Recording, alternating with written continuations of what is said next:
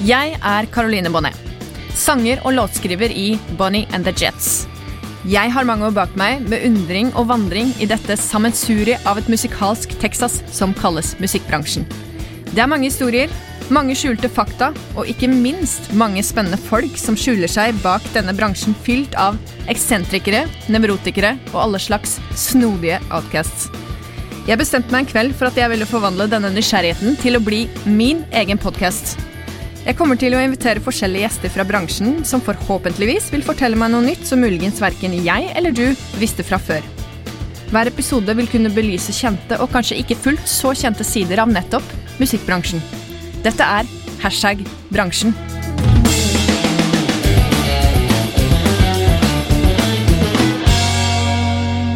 I dag er jeg så heldig å ha med meg en legende i norsk uh, musikkbransje.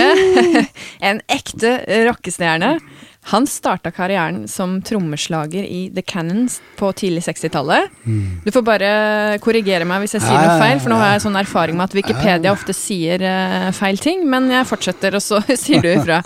Men så gikk da den gruppa i oppløsning, og så ble han med i The Beatniks som et slags turnéband sommeren 1966, som gled over til å bli The New Beatniks, med gjesten her som frontfigur. Ja. Og så flytta bandet til Danmark i 1969. Og videre Ah, 68. 68.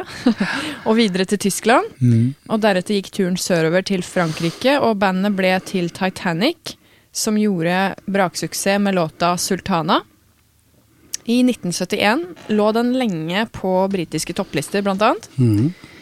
På 80-tallet så begynte den å spille i Norge igjen, og ble etter hvert kjent som Kjaperud med band.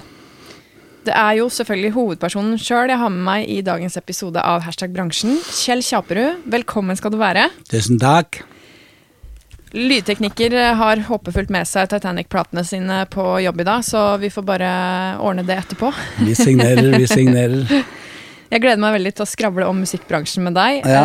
Eh, Jeg spør deg som jeg spør gjestene mine om hver gang, fordi det er litt morsomt å se hva man assosierer med ordet hashtag bransjen. Hva tenker du da? Hva tenker jeg da? Ja. Det er en lang, lang, lang eh, historie. Men eh, nei, jeg tenker at bransjen er todelt. Okay. Det er et Det er en store konglomerater av selv, store selskaper som rundstjeler musikere. Og uh, vært så kloke i den sammenheng også få unge, uerfarne folk til å signere bort åndsverket sitt fullstendig. Og, eh, og da sitter jeg igjen med en backkatalog. Eh, CBS eh, eier alle, alle låtene våre og alle platene våre fremdeles 50 år etterpå. Ja. Så da, vær så god og få den på trynet.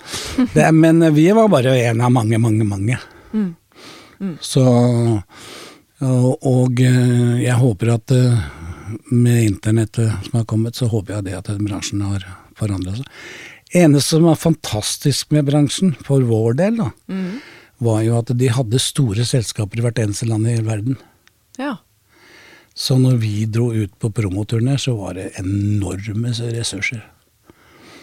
Og folk som jobba Ja. for å få deg på tysk TV, fransk TV, spansk TV. Så vi gjorde jo Altså, når vi gjorde et bra program f.eks. i Spania eh, en lørdag, i Italia en lørdag, eller Tyskland eh, osv., disse store landa, så solgte vi 800 000 singler uka etter. Wow. Hvis vi gjorde det bra. Det er jo utrolig tall, da. Ja, men det var jo 52 millioner som bor der. Ja, ja, ja. Sant. Ikke sant? Vi er ikke i Norge. Vi er, Vi er ikke no jo, jo, er- jo, det er mye folk der, men Ja. hadde det skjedd i dag? Neppe, hvis du ikke Jeg trodde det hadde skjedd i dag. Du tror det? Ja, ja, ja absolutt. Hvis det, nei, men jeg mener at hvis det hadde vært, eh, hvis det hadde vært eh, altså, singelsalg i dag Jo, jo, men det er det jo da ikke, da. Nei, nei. nei. Så det salget er borte. Ja. Det er klart. Ja. Dessverre. ja.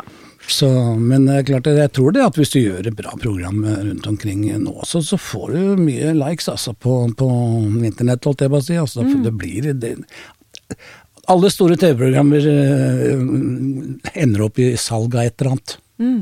Det er jeg helt sikker på. Ja. I de store landa. Mm. Du har jo da vært masse på veien og turnert i årevis, og jeg er sikker på at du har ekstremt mye rare og morsomme historier fra Jeg har skrevet bok om det. Det har du også? Ja. ja. Når er det den kom ut? Den, er, den kom ut i, i fjor. eh, Sein, sein, ja, tidlig, ja, begynnelsen med høsten. Ja. fjor. Den må jeg lese. Den må du lese. Ja. Den er, den er, der, er, der står alt. Hva, hva heter den for noe? Kjapperud, Kjapperud en rockestjernes erindringer. Spennende. spennende. Ja. Det må man gjøre seinere, men uh, har du en sånn spesiell historie du kommer på nå, som du kan dele her i poden, hvor du tenker at ja, det var en sånn typisk hashtag bransjehistorie. Ja, egentlig ikke. Ja. Altså, jeg har to, Uh, Ja. som er både en, en, en turnéhistorie, og så er det en, en bransjehistorie hvor vi var nummer fem i England. Kontrakten vår gikk ut med CBS. CBS International, som vi hadde kontrakt med, de hadde hovedkontor i Paris. Det var derfor vi endte opp der. Ok. Og eh, jeg foreslo til gutta at nå har vi ikke kontrakt lenger, nå syns jeg at vi skal ta et engelsk management. Ja, vi kan ikke flytte til England. Vi skal ikke flytte til England, vi kan ta et engelsk management som kan forhandle eventuell ny kontrakt for oss, blant annet. Og lage ordentlige europeiske turneer. Ja, Han vi har jobbet med her, er kjempebra. det er så fint. Så går vi da et møte med direktøren til CBS, hvor han, sitter og prater i en time fort på fransk. Vi forstår ikke noe av hva han prater om. Det var sikkert fint, da. For han, ja. Fransk er jo et veldig fint språk. Ja, jeg Ja prater flytende, så jeg, jeg er helt enig. Mm. Men, men det, det som skjedde der, var at eh, gutta bare signerte og ga bort hele åndsverket sitt. Mm. Gratis. Ja. Altså, det var ikke snakk om å få penger opp front engang. Ikke sant? Jeg tror vi fikk, for å signere kontrakten, så tror jeg vi fikk en 20 000 hver. Det var sånn latterlig. For det kosta en bil i, i Belgia, så gutta skulle kjøpe seg bil. Ja, ok. Da fikk de nok til det. Mm, mm. Så det var liksom et sånn i huet på, på oss alle. Jeg bare jeg godtok det, jeg. Jeg, jeg skulle bare nekta, men jeg godtok det, jeg signerte bort alt. Hvor gammel var du? Nei, faen, vi var i 25 år, Ja. ikke sant. Jeg var stor nok til å Men eh, det, vi, gjorde, vi, spør, vi fikk ikke noen til å hjelpe oss i det hele tatt, og da signerte vi bort alt. Så, mm, og de eier det ennå.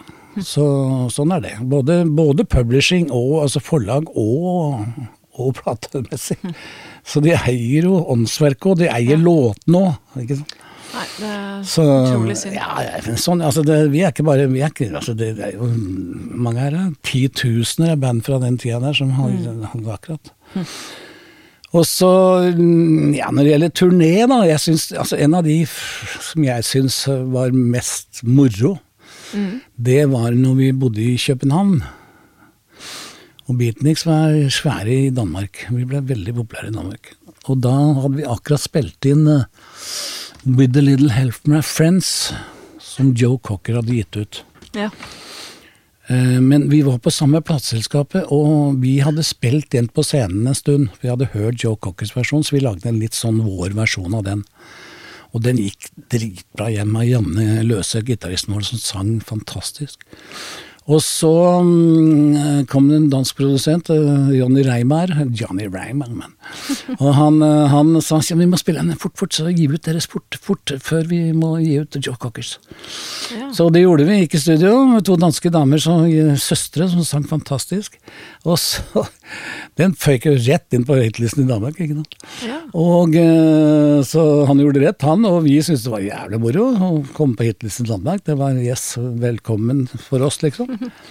Og så mm, måtte de gi ut Cocker til slutt. ja.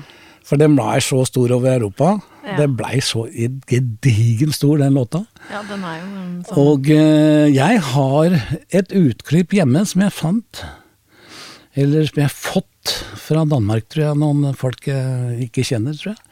Utklipp fra en avis i Danmark, på hitparaden Danmark, både vi og Joe Cocker Ja. med samme låta var på den hitparaden. Oi, det er spesielt, da. Ja, det var veldig Ja. spesielt, og den, had- den hadde ikke jeg sett før, så det var dritkult å se. Moro.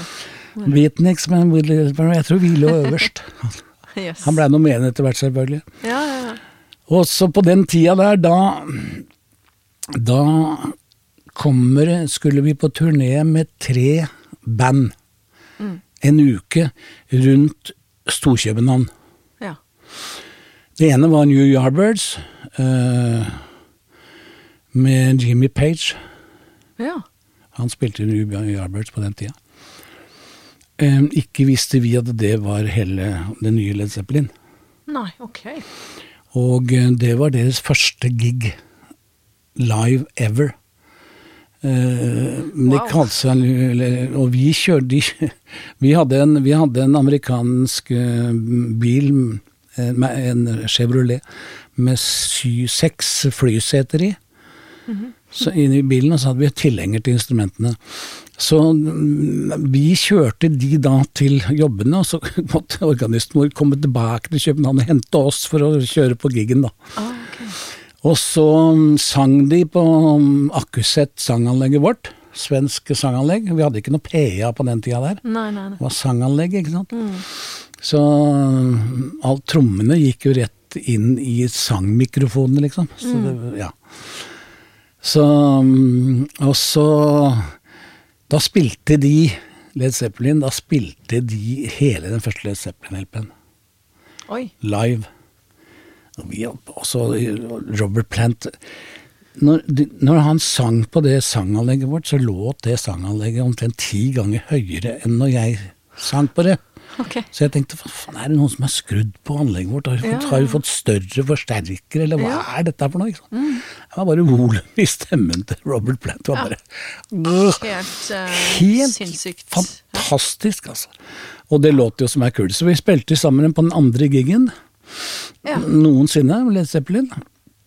Eh, I det, Remlo, Remlo-parken utenfor København, og der spilte Der var setupet Før oss og spilte et toppløst eh, dansk jenteband.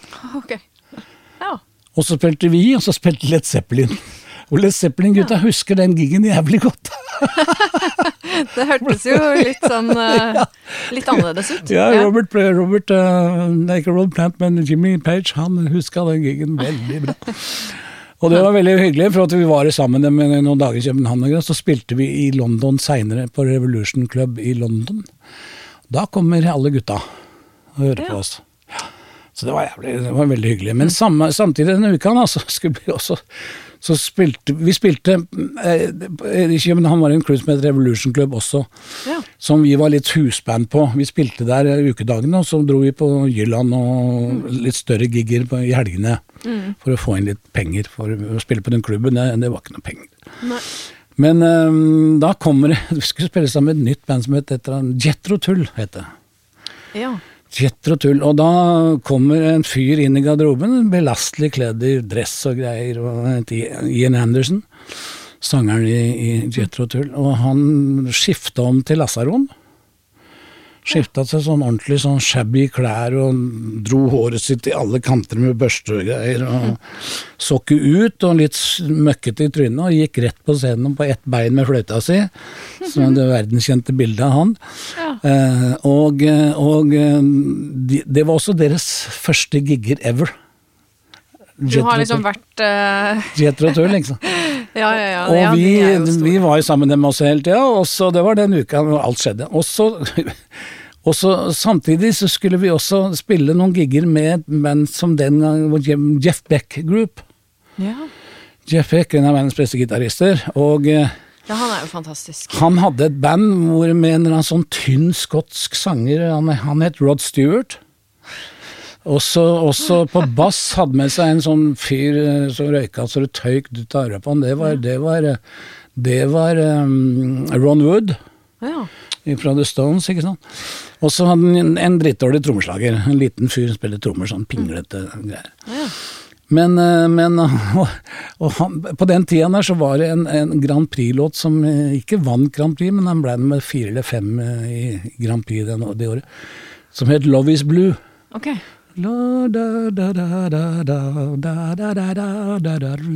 Altså en kjent sånn derre ja. poplåt-type. Ja, tror ikke jeg har hørt den, men Nei, men Jeff Beck hadde iallfall spilt inn den. Ok. Og det ble kjempehit. Hmm. Og publikum, vet du, han kom på scenen, så ropte jo publikum 'Lovis blue', love. Og det ville faen ikke han spille, for han var jo, spilte jo blues. Ja. Ikke sant? Men han hadde jo spilt inn låta, da. Da skulle han jo aldri ha gjort det. Nei, det er jo litt sånn sier du A, så må du si B. Ja, så det endte jo opp at de stakk av fra turneen, da. Og det var full ståhei på, på, på flyplassen i København, husker jeg, med management, danske, danske, og det var også med samme management som vi hadde, da. Så det var liksom, den uka der var vel en av de viktigste turneene jeg har vært med på, egentlig, når Ja, det gjelder historie, da. Høres jo altså, Historisk. Og så tok det to måneder, så lå Led Zeppelin nummer én i USA, og Jet Rotur nummer to. Er ikke det litt sånn surrealistisk Og tenke vi Og var, var i? København igjen. liksom. ja. Vi satt igjen i København. Men når du ser tilbake på det da, og reflekterer over det at du faktisk var der med de folka som da Ja. har blitt noen av de største navna noensinne i verden, hva, hva, hvordan ser du på det? Det Nei, det var tida. Ja. Det var sånn, det var ikke noe sånn enestående for oss.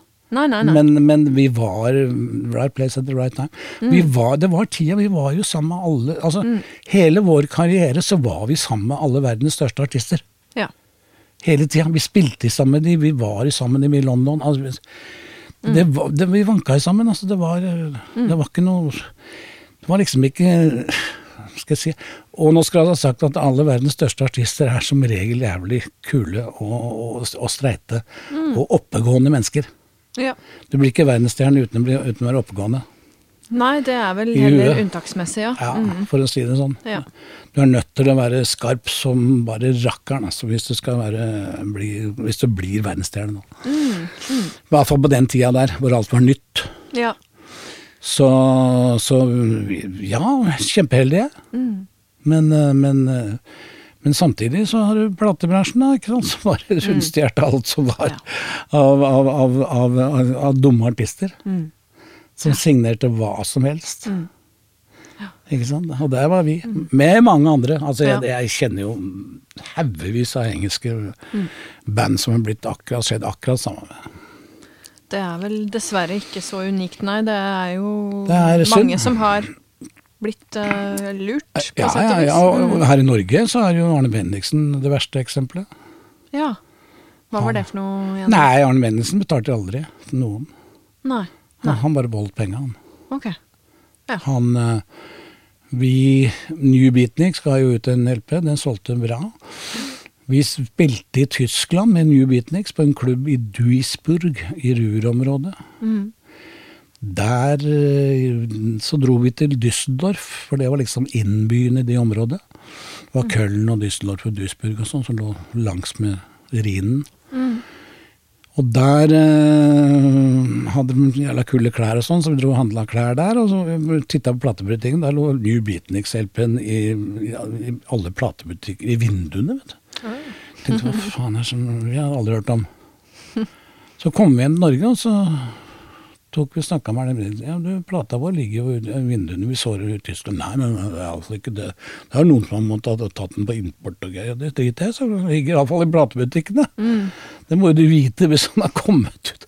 Hvis den Ja. har kommet ut ganger, visste ikke noe om det da. Nei. Nei, og så det, så det endte opp, så hadde vi en tilhenger som vi brukte, som var hans, som vi skulle få låne. Og så spurte vi når skal vi få penger for uh, oppgjøret for platesalget, da. Nei, det er ikke noe oppgjør for at det, det, det, det leie av tilhengere. Så vi så aldri noe, vi så aldri noe papirer fra Arne Bendiksen. Og det var, det var Vanguards, det var altså det var det, alle. Ja, ja. Han lurte alle. Som, og han, eh, i dag har han en pris, Grammert-prisen, og heter Bendiksen-prisen. Det er en skandale, spør du meg. ja. Skjønner. Han var en hyggelig fyr, men gud hjelpe meg, han var lur. Og Ja, det- han har gjort mye for norsk bransje, det er ikke det jeg sier. Nei, nei, nei. nei da, men det er klart men eh, han eh, lurte som, jævlig folk, altså. Dessverre. Sånn er det. sånn, eh, sånn er det. Ja. Men når er det du starta opp, da? Som aktiv uh, artist, musiker? For du flytta jo da ganske tidlig til utlandet, og så var det jo disse her bandkonstellasjonene som jeg nevnte i starten, at det endra navn, og så ble dere til. Titanic og sånne ting. Men, men eh, i Norge, altså hvor ung var du når du da Jeg starta var, i eh, et band her ja, hjemme? jeg Liksom? var vel en 16, 16 Ja. kan jeg tenke meg, for at det, eh, Kåre Haugen, min gode venn Kåre Haugen, som, var, som blei sanger i The Beatniks, Mm. bodde på andre steder. Jeg er oppvokst på Carl Berner. Ja. Og uh, boka mi, som har kommet ut, der uh, en del av den, stor del av den boken handler om oppveksten min på Carl Berner. Hvordan det var å vokse opp i, i, på Oslo øst i, i arbeiderklassetida på Carl Berner. Og det har slått utrolig bra an blant folk. Ja. De syns det er dritkult å lese om. For det er det nesten ingen som har skrevet om. Hvordan det var på Oslo øst eh, på den tida der. Nei, det er spennende, for det Ja. var da på 50-tallet, 60-tallet. Ja. Mm. Ikke sant? Jeg er født i 46, så da og jeg flytta dit da jeg var åtte, så da er jeg 54 flytta jeg dit. Mm. Mm. Så, og begynte på Soffienberg skole. Spennende. Ja, Ja. den boka må, Ja, det, må, leses, ja. ja, det, er, det, er mye, mye, det er mye historier der, for å si det sånn. Mm. Så, men hva snakka vi om egentlig? Nå gikk Nå, nå snakka vi om rett og slett eh, hvordan du da starta Ja. din musikalske Ja, karriere. sånn altså hvor ung du var når du starta i et band, eller ble veldig ja, aktiv og da var jeg musikken. med da. Beatniks hele tida pga. Kåre, um, kameraten min, sang der, så var jeg med dem hele tida. Ba, ba litt instrumenter og hjalp til litt og ordna og Ja. Og sånn, og da da endte det på at jeg hadde hørt den spille så mye at jeg kunne jo alle låtene. Mm. Og Kåre var på gutterommet mitt hele tida. Broren min var på sjøen, så jeg hadde eget gutterom på Kalbergen, og det var jo veldig sjelden å ha den gang. da. Ja. Eget rom. Mutter'n bodde på stua, seng på stua med stuebord og sofaen, liksom, og så hadde jeg mitt eget rom. Så der var det alltid folk, alltid musikk. Mm. Og jeg spilte, drev og spilte trommer på gitarkasser. Husker jeg, jeg hadde, jeg hadde fått et par trommestykker av Truls i, i Beatniks. Mm. Og så Da hadde Kåre fått seg kjæreste. Oddvar Gundersen, som var gitaristen i Beatniks, han hadde også fått seg kjæreste, og de hadde bestemt seg å dra på sommerferie til Syden. Liksom Første gang jeg hadde hørt om Syden. ja. Dette må jeg ha vært i 64, tror jeg. Fire, ja. Det var vel rundt da det ordet ble etablert? Ja, eller? kan godt hende, jeg vet ikke, jeg har ikke peiling. Men uh, det som skjedde da, var at da fikk Karsten eh, Debritz, gitaristen, nei, bassisten, fikk en telefon fra en arrangør på Sørlandet og spurte om Beatniks ville lage en sommerturné, for han hadde en del jobber til Beatniks hvis de ville ha de. Ja. Og da snudde Karsten seg rundt og snakka med Truls, trommeslageren, og så sier han vet du hva, Kjaperud kan jo synge alle låtene.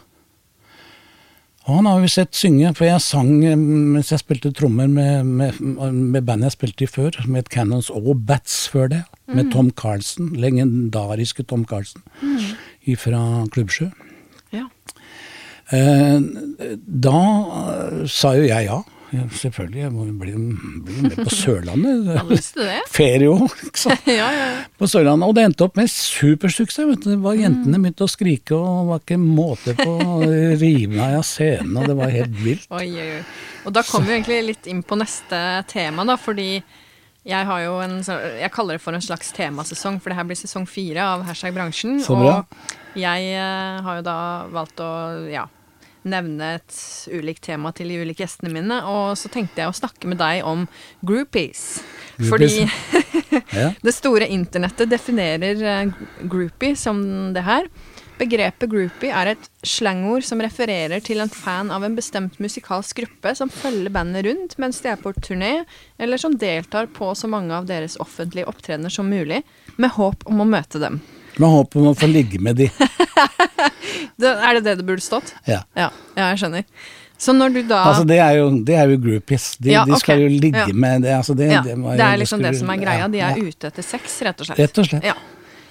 Men er du Så er, du er egentlig ikke enig i den betegnelsen? for å si det rett Du, du er ikke enig i den betegnelsen? Du tenker at de burde vært mer rett på sak og skrevet det som det er? Ja, syns det, altså. For da ble og mange, mange av de store gruppene fra USA, de var ute etter å bli gift og få de store penga og Ja. få de store stjernene. Ja, ikke sant. Da måtte, da måtte Paul McCartney et godt eksempel på det.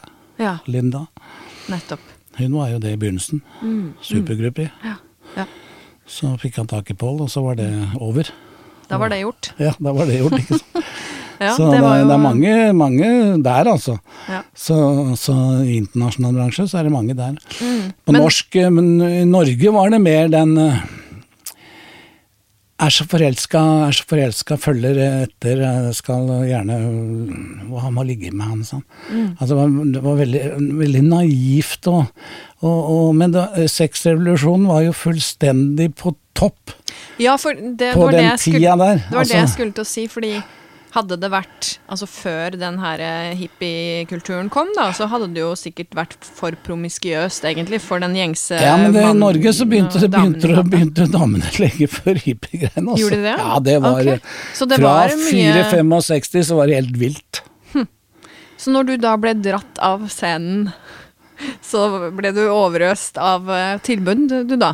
Ja, det var deilig det, med 14 jentehender som der og tafsa på deg mens du lå der, lå der og, og jubla nede på gulvet.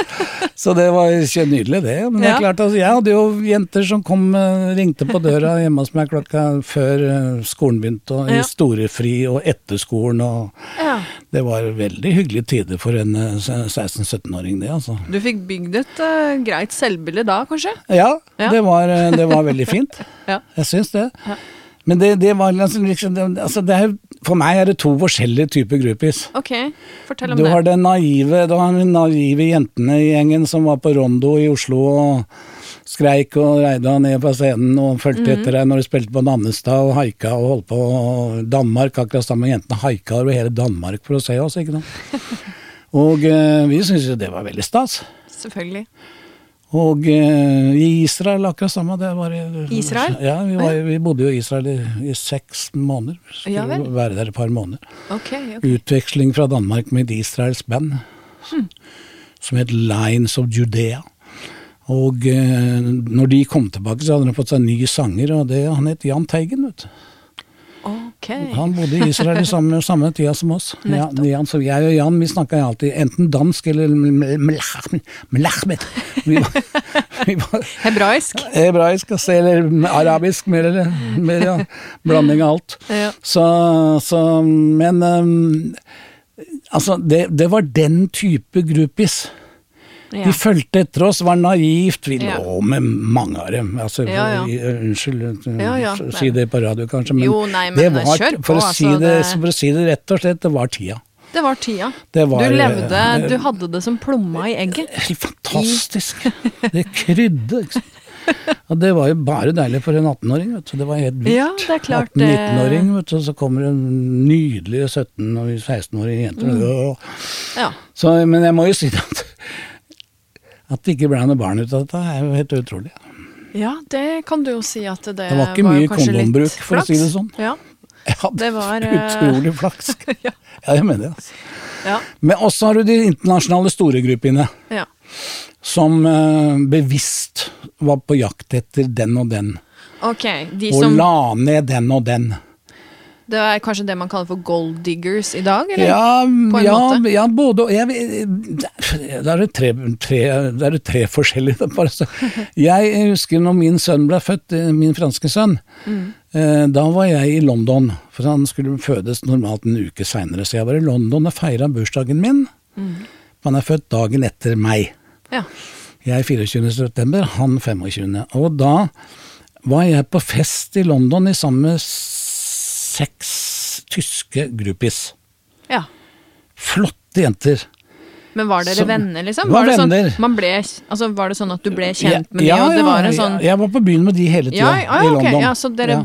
Dere skapte en slags sånn Ja, ja, vennegjeng av det, liksom? Ja, Det var ikke bare det at de var klegger? Nei. Nei, nei. Nei, nei, Nei. de var eh, flotte, jævlig flotte damer, altså. Mm, Voksne jenter. Altså, de var jo 20, bare 20 år, ikke sant. De var, men de levde livet i London, og hadde det dritmoro. Eh, og de viste meg til og med, det hadde et bilde på veggen, så tok de vekk det bildet, og bak der var et innramma ark. Med streker over og navn på alle musikere de hadde lagt ned. Og det var mange, altså. Det var, det var så sånt ark, men det var nedover hele altså var John Lennon og så videre og så videre, på McCartney Beaver. Ja. Altså, altså, De hadde en slags konkurranse på det, da. Ja, jeg vet da faen hva de hadde, men de hadde iallfall fall skrevet ned nøyaktig Jeg var der, jeg òg, visst. Ja, du var det. Oppdaga jeg, men eh, Så det, Ja. det var en de de lo og hadde det jævlig moro med det greiene Ja, ja, ja. Men de, de var på jakt etter de var, de var, de var, For meg var de de rette gruppisa. Ja, skjønner. Så, og det var de proffe, som du sier. Det var Ja, de nei, ikke fullt proffe, sånn naive, kanskje? Ikke, de hadde ikke fullt så naive, men de, de var i London for å ha det moro. Var i groupies samtidig og nedlegge så mange kjente musikere som mulig. Nettopp. Det var greia deres. Okay. Og det for meg er det jeg kaller for ordentlige groupies. Ja, ja, ja. Ikke sant? Og så hadde du de der proffe amerikanske Uh, Og en god venninne av meg i Danmark, den som er i, bor i Danmark, som jeg treffer titt og ofte enda, hun var sammen med Jimmy Henriks. Ja. Og hun var, hun var ordentlig gruppi på Ja. den tida. Ja. Hun valgte. Dro til London, han skal jeg bli sammen med. ja. Ikke sant? Så da, og det, der var det en del sånne Det, Det var de proffe groupiesa, som jeg kaller dem. Ikke sant? Da lærte jeg masse mer om uh, groupies enn det jeg kunne fra før. Men det var jo som jeg også mistenkte, at det hadde kanskje litt med, mer med den uh, seksualitet-greia enn uh, en enn bare det å hyle Ja, foran nei, scenen. nei, Liksom. nei, det var jo gærent. Det var, det var, det var reinspikka sex hele veien, altså. Men det var fine tider. Så da kunne jeg, kan jeg egentlig bare stryke spørsmålet mitt, da, det, det jeg har skrevet her. Er du enig i denne betegnelsen, og merket du noe til dette fenomenet som rockestjerne? jeg føler vi har runda den uh, nå. Jeg, Ja. Nei, jeg la ikke merke til noe. Men det ga meg en god følelse. Ah, Men når, du levde jo, som du nevnte, i gullalderen, på en måte, da, til musikk. eh, Ja, altså, det var jo da rocken ble var- alt skapt, begynte. og ikke sant. Alle Alt kom verdens største band den dag i dag begynte jo da. Ja, ja, det er noe med det. Ikke sant? Men Så når du da ser tilbake tilbake Du har jo da levd et helt liv i musikkbransjen, og er det, hva er det du tenker har forandra seg mest, da? Fra altså i dag til når du starta opp. Hva, hvordan tror du det hadde vært for deg å liksom starta i dag. være 16-17 nå og starte opp et band, kontra Jeg tror det da? hadde vært akkurat samme. Ja. Jeg tror det. Ja. Jeg tror at øh, jeg- var manager for Asgeir, barne-TV-sjefen. ja, Den rødhåra mannen. nettopp. eh, ganske mange år, 15 år, og eh, han, vi, han, vi lagde noen eh, LP-er med han. Han sang jo. Ja. Jeg har skrevet en del låter til han, blant annet. Mm. Og, eh, og da skulle vi signere med Sony Music, og da kommer Sony Music med nøyaktig den samme kontrakten som jeg signerte med Titanic. 40 år etter, eller 35 år etter. Det er jo helt. Akkurat sånn, men oversatt til norsk. Den var tjukk som ei bok. Ja. Og det, det, altså det, det betydde Altså, det, det Jeg bare så på den og sa De gir meg ikke dette her. Eller, Hva faen, altså. Kan man ta den tilbake, så kan dere bare sende til hvor den skal sendes, men jeg kommer med en ny kontrakt i morgen. Mm. Hvis ikke så blir det ikke noe. Jeg kan bare glemme, jeg signer ikke på dette tøvet her. Bra han hadde deg, da. Ja, det Altså, ja, han er jo helt, heldigvis. sikk- kunne jo helt sikkert eh, finne ut av det Heldigvis. sjøl, men altså du som hadde, hadde den gjort. Det hadde han erfaringen. ikke gjort. Det hadde han ikke gjort i det hele tatt. Så, så da kom jeg med en ny kontrakt, og de, de godtok til slutt, altså, for at de Ja, men vi må tenke på det internasjonale, for at vi, vi, får, vi, vi må bare gjøre det vi får beskjed om. Ja, Det kan bare drite i seg. Altså, altså, den kontrakten er det samme som vi skal Og da viste jeg den til en advokatvenn av meg, og han sa Kjell, vet du hva? Dette her er som en bankkontrakt, som et lånegjeldsbrev i en bank. Platebransjen har drevet med dette, han, han visste om dette her, at platebransjen har drevet med dette her i 40 år. Og, og de har, har drevet egentlig helt ulovlig.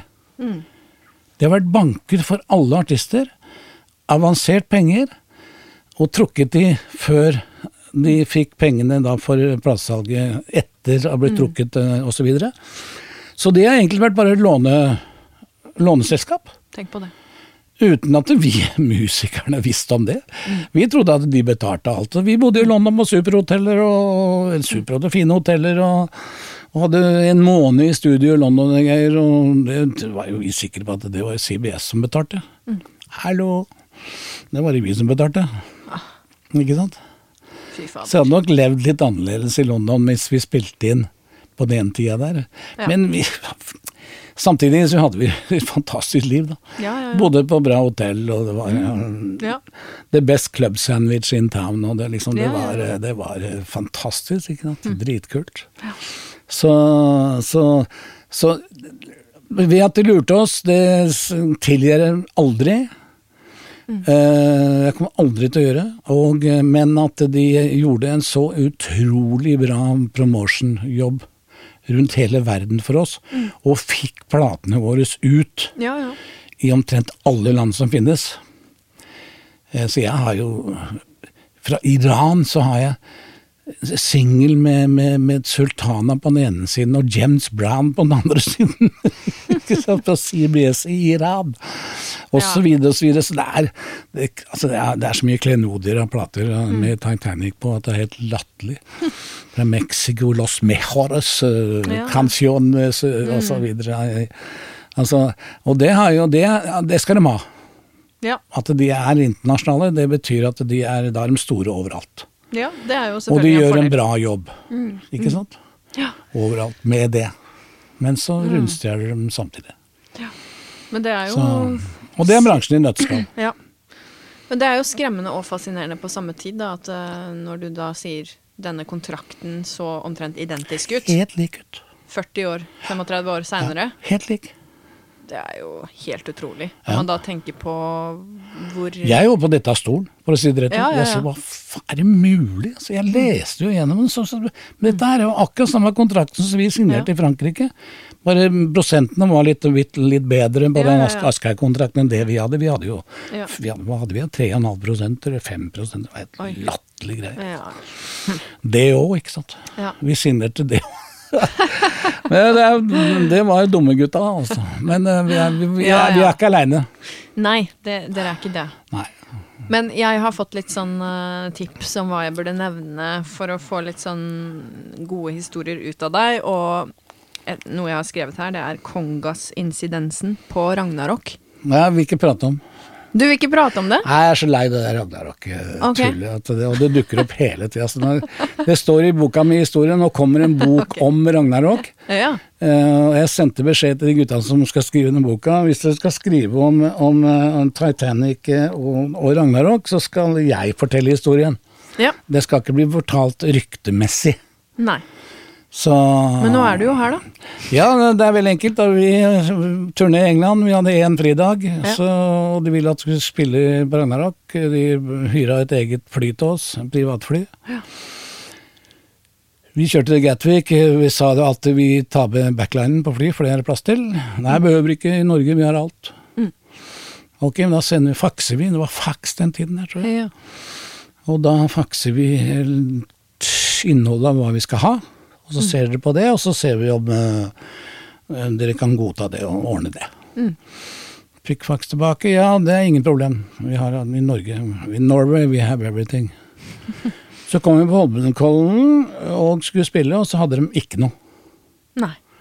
Ikke trommesetter vi skulle ha, ikke, ikke Hammond-orgelet med, med to Leslier vi skulle ha, ikke gitaranlegget vi hadde bestilt, ingen perkusjon. Jeg hadde eh, kongas, jeg hadde mitt perkusjonssett besto av to kongas, to bongos, to timpales, en del eh, cymbaler og en del bjeller og en del ting. Så det var et ordentlig svært, ganske svært eh, perkusjonssett jeg hadde, som jeg hadde bestilt, som de, ikke, som de skulle ordne. Ja. De hadde ikke ordna noe. Ikke noe av backlinen som vi hadde bestilt, var, var på Holmenkollen. Hva skjedde da? Da sa jeg til dem at det må dere fikse, hvis ikke så spiller ikke vi. Nei. For hvis vi skal spille for første gang i Norge etter å ha blitt store i utlandet, da skal vi låte som Titanic. Ja, det er klart det. Vi skal ikke låte som et skrangleband. Nei. Og eh, så arrangøren han prøvde å i et par kongas som sto innelåst på Chateau Neuf, har jeg hørt etterpå. Ja. Og så har det endt opp med at det er liksom kongasen til Kjæperud som eh, ikke er kommet. Ok, Men det var faktisk alle instrumentene? Hele pakka. Hele Hele, pakka. backline. Ja, ja. Hm. Og vi, på den tida der, vi var jo på råproff engelsk turné. Og, vi var jo på et nivå som lå høyt, høyt over eh, det norske nivået. Mm. Ja. Ikke sant? Vi, var jo, vi var jo europeiske store stjerner på den tida der. Ja. Så, så, så kom vi til dette tullballet der, vet du, og da Ja. bare sa jeg vet du hva, det blir ikke aktuelt. Nei. Så jeg sa til han engelske manageren som var men nå går du og henter penger. Og så, uansett om vi spiller eller ikke, de penga skal vi ha. Og så ser vi hva som skjer. Ja. Så vi venta. Mora mi var der, broren min var der med barna sine. Eller dattera si. Eh, Jeg har bilde hjemme på Holmenkollen park. Med, Hvor lenge før var det, det dere skulle på scenen da, på en måte? Var det Det var, vi kom jo, vi landa jo tidlig på dagen, så jeg husker venninna og sendte oss på Gardermoen. Siden vi hadde privatfly, så landa vi der oppe. Og da husker jeg Popple View med Jahn Teigen Faen, det er Jahn Teigen som synger! Og da vi kjørte oppover til eh, Holmenkollen park, så hørte jeg stemmen til Jan synge. Og de spilte tidlig på dagen. Ok. Så vi var nok der ved sånn ja, 11-12, tenker jeg, på hotellet. Ja. Og jeg gikk jo rett ned for å sjekke om alt var der. Ja. Spurte arrangøren hvor er backlinen til Titanic. Øh, det var der. Ja. Jeg spurte hvor er backline Titanic, kan du ikke svare, hvor, hvor står det? Jeg vil gjerne bare gå gjennom alt, ja. sånn at vi har alt her, så ikke det blir noe tull. Mm. Så ble det ikke funnet noe backline. Spilte dere òg? Nei, Nei. Nei. spilte ikke. Nei, man skal stå på krava. Ja, jeg er beinhard altså, på sånt. Ja. Altså, det, jeg har ikke tid altså, det, det, Faen, det er amatørgreier. Altså, jeg orker ikke. Nei. Og, og som sagt, jeg ville, vi ville ikke låte som en skramlebein når vi spilte der oppe, for så mange mennesker. Nei. I Norge. Fullt forståelig, det. Ja, jeg syns jo det. Og da, da ble ikke det noe av. Og da endte det jo opp at det, ikke bare på grunn av Egentlig ikke for, på grunn av oss i det hele tatt. De rota så fælt mellom, mellom bandene osv. Og hvem skulle spille da, og hva skulle spille da. At de, de måtte hoppe over flere band. Hawkwind spilte ikke, med Lemmy. Lemmy spilte bass i Hawkwind. Ja. Eh, de var ferdig med europeiske turneen sin, og jeg kjente Lemmy fra før. Så jeg sier til Lemmy at hvis dere har lyst, kan dere sitte på Master London. Vi har eget fly. Ja. Så kan du slippe å kjøre eh, bandbil eh, herfra til London. Dere er ferdig med Ja. turneen. Å, fy faen, det er kult, ja. Så den gjengen som dro over, dro over til London på kvelden der, det var jo jævlig morsomt. Ja, ja. Og, eh, og ja, flere som ikke fikk spilt. Åge Alexander som fikk ikke spilt, med Prudence. Og han blei intervjua.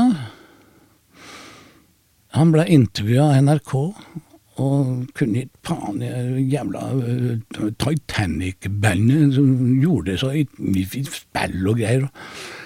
Det kan han fortelle, ikke sant. Og det, det klippet har gått på NRK i de siste 50 år. ja. Akkurat det klippet okay. der. Ja. Har de vist når det gjelder Ragnarok, så er det det som har kommet. Ok. Ja. Det er litt sånn dårlig eh, Ja, reklame sånn eh, også, også samtidig så eh, kunne jeg jeg, ble, jeg var på turné med Beatniks nå i fjor, Ja. på jubileumsturneen. Da spilte vi i Trondheim, og da mm, ble jeg intervjua på mm, Trønder-TV. En fyr som lager for Trønder-TV og for andre lokale TV rundt hele Norge. Det intervjuet gikk over hele Norge. Og da kunne han derre Jon Skolmen, nei, Dolmen Dolmen, han fra Knutsen og Ludvigsen. Å ja. Er det ikke Skolmen? Nei, jeg husker ikke. Nei, ja. Nei, en av Knutsen Ludvigsen. Knutsen, Knutsen. Ikke Knutsen, men Ludvigsen. Han kunne fortelle at faen, jeg så det du intervjua Kjaperud, men han gjorde sånn at det ble folk kasta stein etter oss på, det, på, på Holmenkollen, på Ragnarok og greier, når vi sto og skulle fortelle hva som skjedde, øh, hvorfor ikke vi fikk spille og så videre, så sier han plutselig okay. nå! Så jeg tenkte hva faen er opplysninger folk har fått? Altså. Ja, ja, ja. Det er vel litt sånn eksempel på at to fjær blir til Ja, her er det virkelig Er det ti altså. høns Ja, og så er eller fem høns? Det er, det er det er litt snakk om hele tida, som er kongen av trommene sine. Ikke sant? Ja, ja. Jævla amatører, altså. Men takk for at du de delte det, det setter jeg veldig pris på. det var ikke noe backline der, for å si det sånn. nei, jeg skjønner. Og så er det annen, en annen, et annet stikkord jeg har, Richie Blackmore. Det var en gang du skulle ha tak i han. Ja, ja. Eh, hva var det for noe? Nei, jeg var jo sjef på Sentrum CD. Ja. Siste jobben jeg hadde som, eh, som eh, utelivssjef. Hvilket år snakker vi da? 90-tallet. Ja, ok. Så det er litt nyere tid. Ja. Og, eh, og da Da var rett før Thon kjøpte hele sentrumsbygget. Ja. Det, fy faen, det er skandale. Men det er en annen, annen sak. ja. Eh, men eh, da spilte Richard Blackmore også. Så ringer jeg til hotellet på dagen, for jeg, skulle, jeg måtte snakke med henne Gjennom en beskjed. ja. Eh, Så ringer jeg hotellet, og så sier jeg Det er vi som har booka hotellet. Så sier jeg jeg vil snakke med Richard Blackmore, for jeg er fra sentrum, så er det sjefen der. Jeg må, jeg må gi han en beskjed. Ja, et øyeblikk. Jeg, kan ikke se noen som heter Jimmy Richie. ja, Richie Blackmore her, sier hun. Ja, men eh, vi har jo booka hoteller, jeg vet at bandet er hos dere. Ja, men la meg se, da. Jo, det er en som heter Som kaller seg eh, Dictator.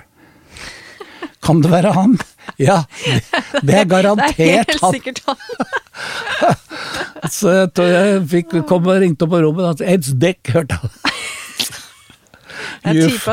You fucking dick, sa jeg. Kjell from sentrum here. Jeg kjente jo han bra før.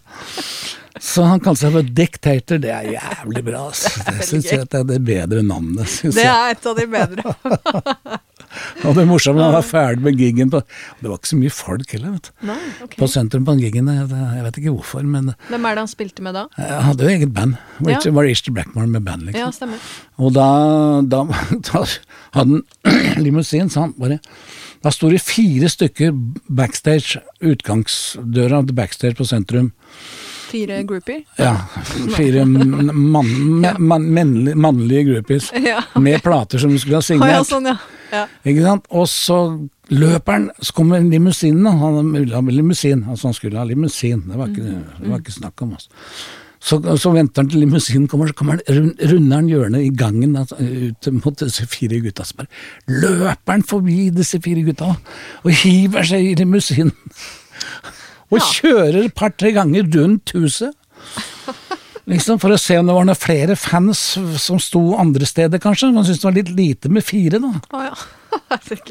Dick fucking Tater, altså. Og så, og så dro han på hotellet. For en fyr. altså. signerte er gæren. platene? Nei, han gjorde ikke Nei, det. gadd ikke det. Han kunne gått ut og signert og vært hyggelig. Han er uh, særing, ass. Han er særing. Ja. Ja. fy faen, altså. Han er vill, altså. Han kan spille gitar, da. Han kan spille gitar og har et fantastisk um, bra navn. Ja, ja. Dick Det er dritbra. Ja. Men altså, uh, ja. Nei, det er fascinerende hvor mye historier du har fra ulike deler i bransjen nå, da. For når du sier du jobba som bookingansvarlig på Nei, jeg var direktør på Du var Sentrum Scene. direktør Ja, på ja. Sentrum Scene. Ja, ja. Det var ikke mindre enn det, da. Nei, nei. Nei. Jeg ble headhunta til å bli det. Ja. For at jeg hadde drevet andre store utsteder i Oslo, da blant annet Rebekka West på den tida der. Ja. Og da endte det opp at de ville ha meg på, Mm. som sjef for sentrum. ja. For at de som jobba på sentrum i begynnelsen, de trodde at, at, at det var Oslo kommune som eide, så de Mm. bare dreit i om det gikk overskudd eller ikke. Oh, ja. Så når jeg begynte der, så var det to millioner eller tre millioner underskudd. Mm. Så jobben min var å rette opp i det. ja. Ja. Fikk du det til, da? Konsert. Eh, ikke helt, for grunn av at det ble Thon kjøpte bygget, så det ble nedlagt. Ja, rett og slett. Så vi måtte legge ned, men da var det ikke så mye gjeld igjen. Nei. Ja, det husker jeg var i møte med, med Handelsbanken, som skyldte Sentrum skyldte vel halvannen million. De strøyk, de strøyk dem dagen etter det møtet. Ja. S- altså, det er morsomt. Det er ikke noe rart at disse, disse store gutta med når det gjelder penger, har penger. For de forhandler med banker, vet du, og så sier de at må stryke det greiene der, for at vi kan ikke må- vi heller gjøre det. Ja. For mer penger så kan vi ordne det på en annen måte, og så blir det enda mer penger på dere. Så sier banken ja, men da stryker vi de. Ja. Så for meg så strøk de halvannen million. Sånn. Plikk. Et lite klikk, altså, så var halvannen million borte. Jeg, det var helt nytt for meg, så jeg, Ja, ja, jeg, bare, jeg visste om at de, de holder på med sånt, men, eh, og jeg fikk det til, så jeg var kjempefornøyd. ja. klart det. Og det er en del av bransjen, Ja, for å si det sånn.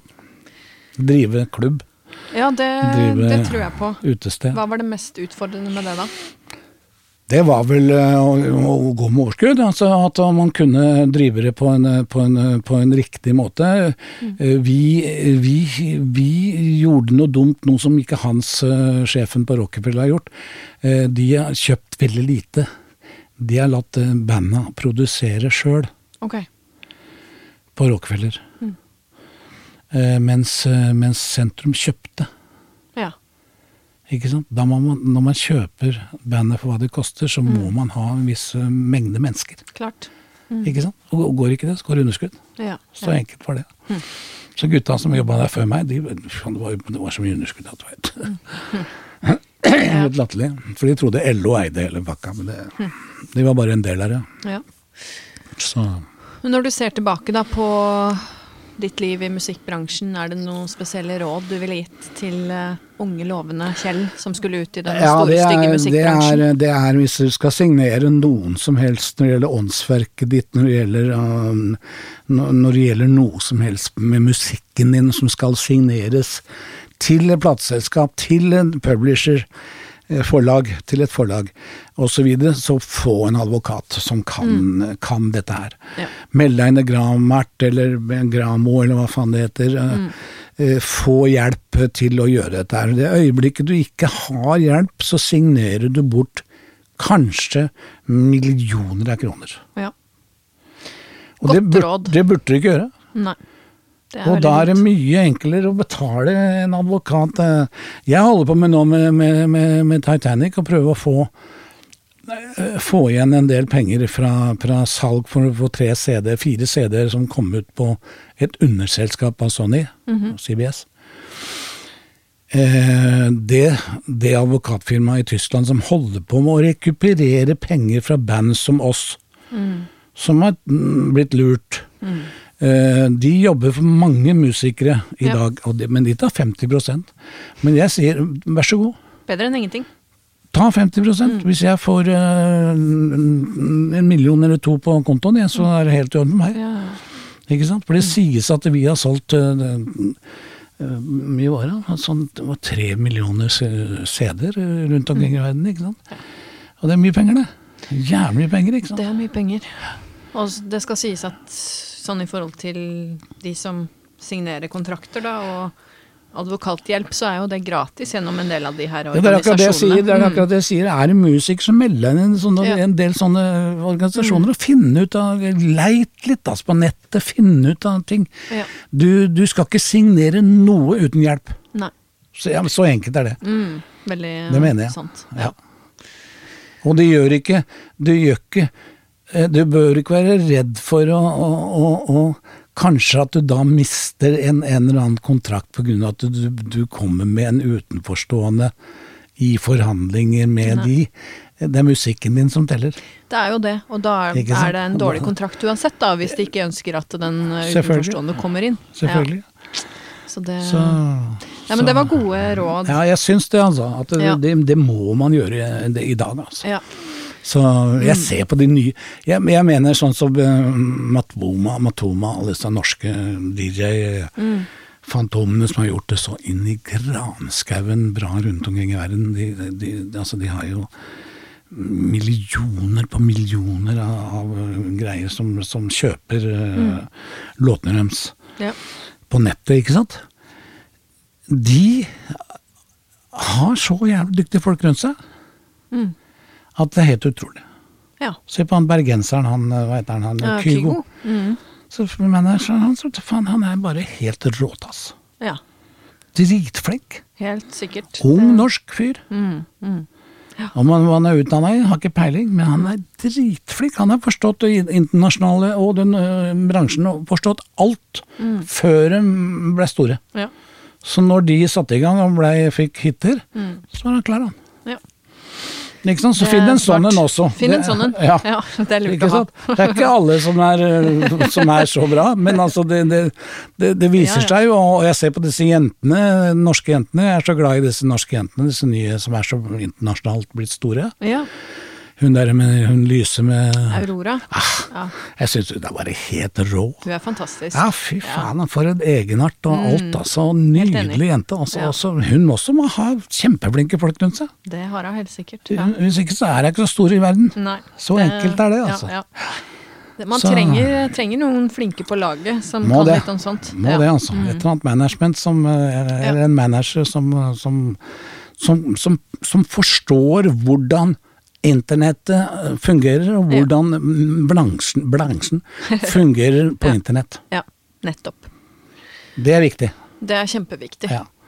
Og der er det platebransjen, da, som ved, at, ved artister som oss som signerte bort alle låtene sine, når, når internettet kom, da fulgte ikke platebransjen med i, i, i, svingene i det Nei. hele tatt. De, Det- de skjønte ikke bæret av hvor fort dette gikk. De ble tatt på senga, og så Tatt har på det, senga, det men greia igjen. greia var at de satt jo med verdens største backkataloger. Mm. Og hvem kjøpte eh, de backkatalogene? Mm. Folk på min alder. Og, yngre, og yngre enn meg. 60-åringer. Ja. Det var de, de kjøpte Led Zeppelin, de kjøpte det. Så CD-salget, det solgte jo De solgte jo sånn. Så de ble, plateselskapene ble jo rikere enn noen gang. Mm. Uten å vite om det. Ja. På grunn av at de satt på disse backkatalogene Ja. av verdens største artister. Mm. Som hadde da signert bort sine greier. Ja. Nei, det er Så de eh, har flaks i ræva, for å si det rett Ja. ut. altså. Men eh, mange av dem er fantastisk flinke. Jeg kjenner jo alle i platebransjen. Mm. Utrolig mye flinke folk og hyggelige folk og så videre. Ja. Men de har internasjonale kontrakter å se til, så, så de Det tar mange år, tror jeg, før det der blir helt reint, altså. Det tror jeg òg. Det er uh, Dessverre. intrikate greier. Ja, det er det. Ja. Veldig. Men uh, hva er planene framover, da? Planene framover nå er at jeg må finne på noe nytt. Ja. Jeg, jeg vet ikke. Jeg holder på med et eller annet øh, Jeg har lyst til å trene. Jeg har lyst til å trene, jeg har lyst til å mm, bli Og jeg var jo i superform da jeg var på turné med, med, med Titanic, og du, vi spilte jo to timer og to og en halv time. Ja. Det var som å spille en fotballkamp hver dag. ja, ikke sant? Og vi spilte 200 konserter i året. Ikke sant? Ja, Da kommer du i form, da. Ja, du blir i superform, og du kan ikke Du kan ikke røyke og drikke hver dag når du er på sånne turneer. Det går jo ikke. Nei. par av gutta drakk hele tida, men det var bare dumt av dem. For det, det, det, de ble slitne. Mm, mm. Ikke sant? Ja. Så, Så du har litt sånn treningsplaner? eh, Ja, jeg har lyst til det. Ja. ja. Mm. Jeg har lyst til å få vekk noen kilo, og så har jeg lyst til å bli i bedre form, for å si det rett ut. Jeg føler at jeg ikke er så jævla bra i fysisk form. Jeg, er jeg sykler hele tida, jeg er helt grei form. ja, ja. Det er ikke det, men jeg har lyst til å finne på en eller annen metode som folk som er i min alder, kanskje 10-15 år yngre, som ikke er flinke til å liksom trene og gå på treningssenter og, og, og så videre. Jeg er ikke noe flink, jeg liker meg ikke på treningssenteret. Nei, nei. Jeg liker ikke å trene inne, Nei.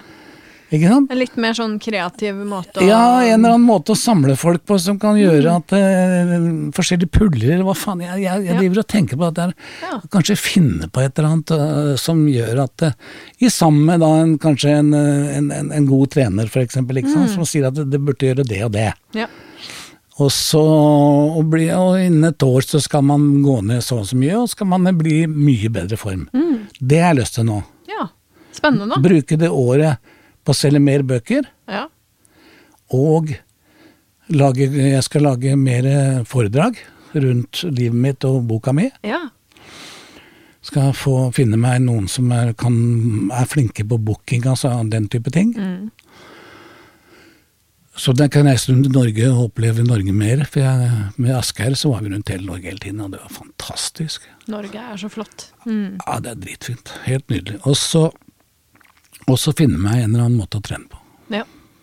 Høres ut som en god plan. Som skal være morsom. Ja. For mange. For jeg, jeg, jeg kjenner jævla mye eh, gutter spesielt, altså. Ja. Litt ølmaga og så videre. Og så mm. så, eh, trening ja, det, er ikke mm, Gå på gym, nei faen. Det er ikke for alle, det, altså. altså. Nei, det er Nei, ikke det, altså. Ikke sant? Nei, men eh, det blir spennende å følge med. Hva, Ja, vi får se hva som skjer. Jeg veit ikke Ja. hva, om det blir noe i det hele tatt, men Nei, nei. jeg har veldig lyst for min egen del også, selvfølgelig. Ja, ja, Så vi får se. ja. Det var uansett uh, veldig hyggelig å ha deg på besøk her i Hashtag bransjen. Veldig hyggelig å være her. Og så ønsker jeg deg lykke til med prosjektene videre, og Takk. så får du ha en fin sommer. I like måte. Takk.